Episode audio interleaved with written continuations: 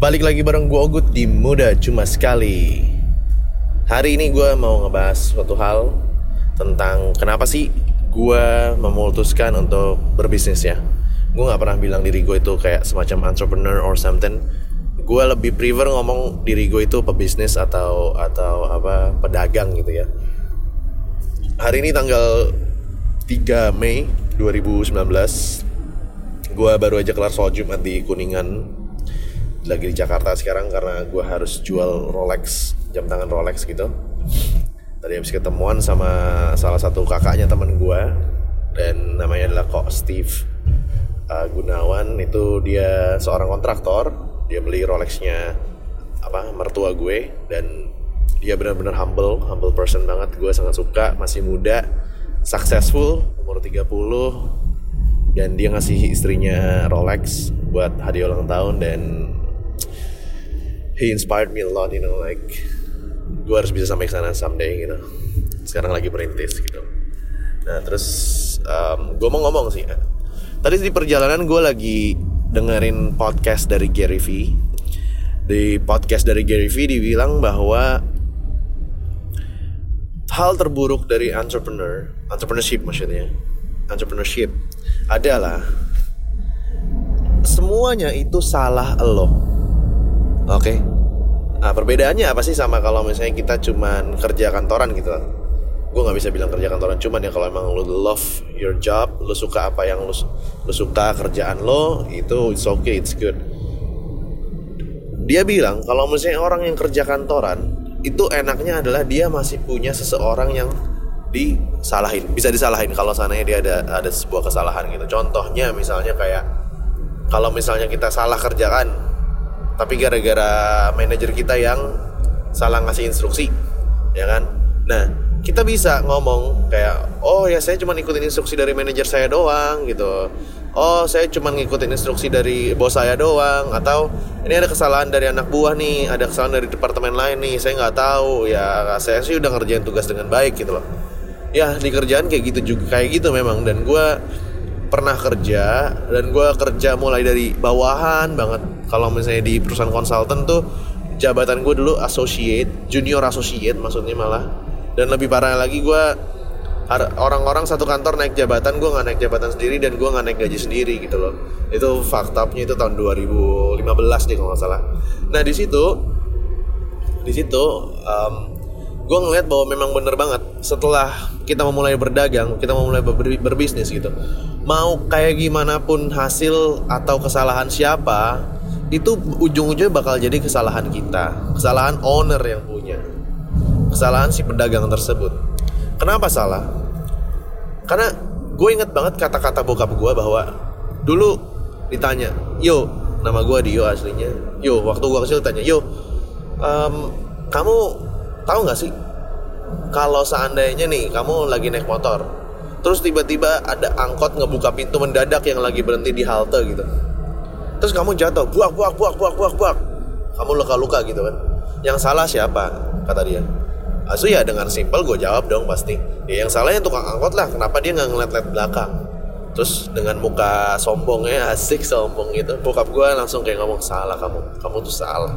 Kalau kayak gini kamu nggak bakal sukses gue kan kesel ya kayak apaan sih? Kok jawaban gini doang nggak bakal sukses? Gitu. Salah kamu. Emang apa jawabannya? Gue tanya kayak gitu. Loh jawabannya adalah yang salah ya kamu. Loh kenapa gue kenapa dia salah gitu? Gue bilang gitu ke bokap kenapa dia salah? Loh tolong jelas-jelas dia yang on dia yang bego. Ngebuka apa ngebuka ngebuka pintu angkotnya nggak ngeliat belakang. Nih ayo ya. Pertanyaannya adalah udah berapa tahun kamu hidup di Indonesia? Udah tahu kan kamu itu kelakuannya orang-orang yang narik angkot kayak gimana? Suka sembarangan. Mereka capek harus narik harus kejar setoran. Akhirnya ya mereka nggak terlalu banyak peduli sama hal sekitar. Terus kamu jatuh.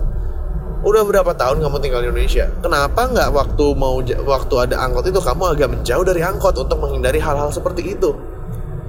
Terus gue mulai mikir kayak iya bener juga ya. Nah, bokap gue selalu bilang yang salah itu adalah yang rugi. Kayak gitu. Contoh lagi kedua misalnya lu masuk kantor. Lu masuk kantor terus telat. Kalau misalnya orang masuk kantor telat jawabannya adalah telat bang. Telat pak. Saya telat. Perjalanannya macet. Kalau lu hidup di Jakarta lu udah tahu jalanan Jakarta itu macet sejak kapan. Lu udah tahu jalan jalanan Jakarta jam-jam macetnya tuh kapan. Lu kan udah lama tinggal di Jakarta tahu kenapa lu masih pakein jadiin alasannya itu? Kayak gitu. Lu udah berapa lama? Ya kalau misalnya lu tahu itu macet lu datang lebih awal dong atau cari jalan lain. Kayak gitulah. Nah habis itu kalau misalnya seandainya dia dipecat sama bosnya yang salah itu ya dia sendiri bukan macetnya Jakarta. Itu dia bokap gue selalu ngomongin. Nah balik lagi ke entrepreneur. Memang sangat berbeda banget kalau misalnya kita jadi pebisnis ya. Sorry gue ngomong entrepreneur pebisnis ya. Kalau pebisnis mau apa pun mau salah siapa pun ujung-ujungnya apa? Ya lu nggak dapet duit. Intinya itu. Mau customer lu yang salah mau anak buah lu yang salah mau siapa pun yang salah nyokap lu lah atau siapa pun itu yang bakalan nanggung kerugian adalah yang punya bisnis yang lu. Ya lu nggak dapet duit cuannya dikit. Simpelnya kayak gitu nah ini alasan kenapa orang-orang itu um, menganggap entrepreneur itu baik tapi padahal sebenarnya risikonya lebih gede lebih susah daripada kerjaan. Nah kembali gue kembaliin lagi ke kenapa alasan gue gue mulai berdagang atau berbisnis. Tadi gue udah cerita tentang bahwa kalau misalnya jadi pebisnis itu semua resiko ditanggung gue nggak kalau misalnya jadi employee atau pekerja itu lebih enak. Ada ada hal-hal yang bisa kita salahin orang lain nah kalau gue ngelihatnya beda kenapa gue memilih jadi pebisnis? Gue sering banget dalam dulu kerja ya kerja kerjaan terus habis itu kerja kelompok sama uh, apa apa itu apa namanya teman kampus ya kan tim tim kampus gitu tim kelas gitu kan. Gue sering banget nemuin di mana kitanya udah bener kita udah kerja mati-matian gitu ya. Tapi ada beberapa orang yang kerjanya on kerjaannya nggak jelas akhirnya membuat kita malah celaka gara-gara orang lain. Gitu Nah di kantor pun sama seperti itu. Karena ada orang lain yang bersalah Akhirnya gue ikutan kena salah. Padahal gue udah menyelamatkan diri sendiri gitu loh. Nah di situlah gue mulai ngeliat di mana kayak lebih enak dari pebisnis gitu loh. Ini dalam satu variabel ya Masih banyak variabel-variabel lain yang memang gue uh, pahami Kenapa gue pengen berbisnis Salah satunya adalah variabel ini. Masih banyak variabel yang lain. Contohnya kayak emang gue dari dulu gue doyan berdagang gitu, gue doyan negosiasi. Nah kalau dalam hal ini, gue nggak mau hidup gue itu digantungkan kepada orang lain.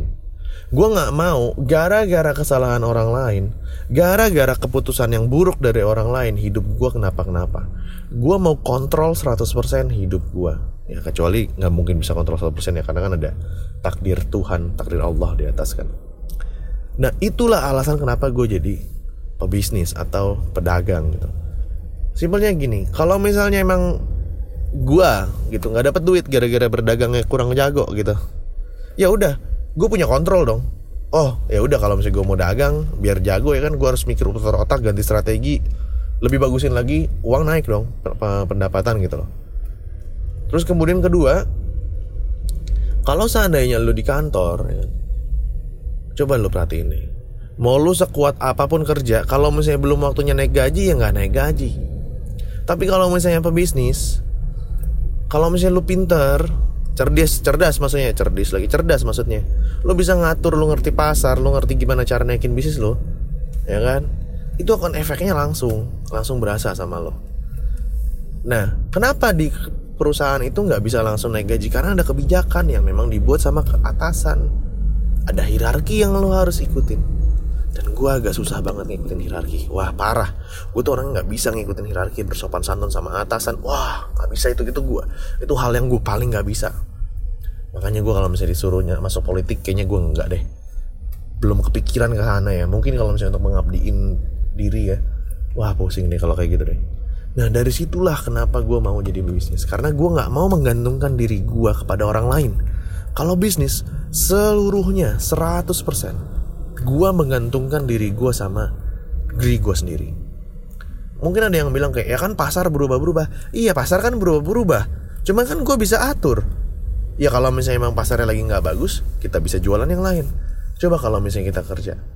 pasar lagi nggak bagus di industri properti nih kayak sekarang nih lagi mulai turun-turunnya nih udah udah udah turun-turunnya nih mudah-mudahan sih bangkit lagi ya terus banyak orang-orang dari properti di cut-cutin cut-cutin cut-cutin itu kan kita tergantung sama dua hal ya. Pasar kedua adalah bos lu.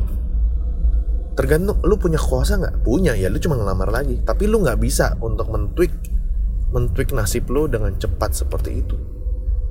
Nah ini alasannya kenapa gue mau berbisnis dan berdagang.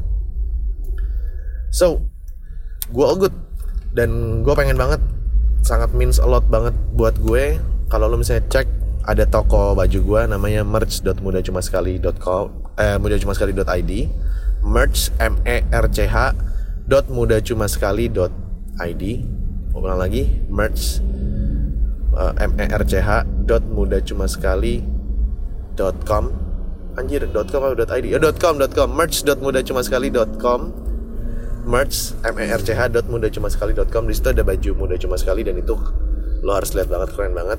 Dan please check it out it means a lot for me. So see you in the next episode of muda cuma sekali the podcast self development podcast karena kita nggak tambah muda. Bye bye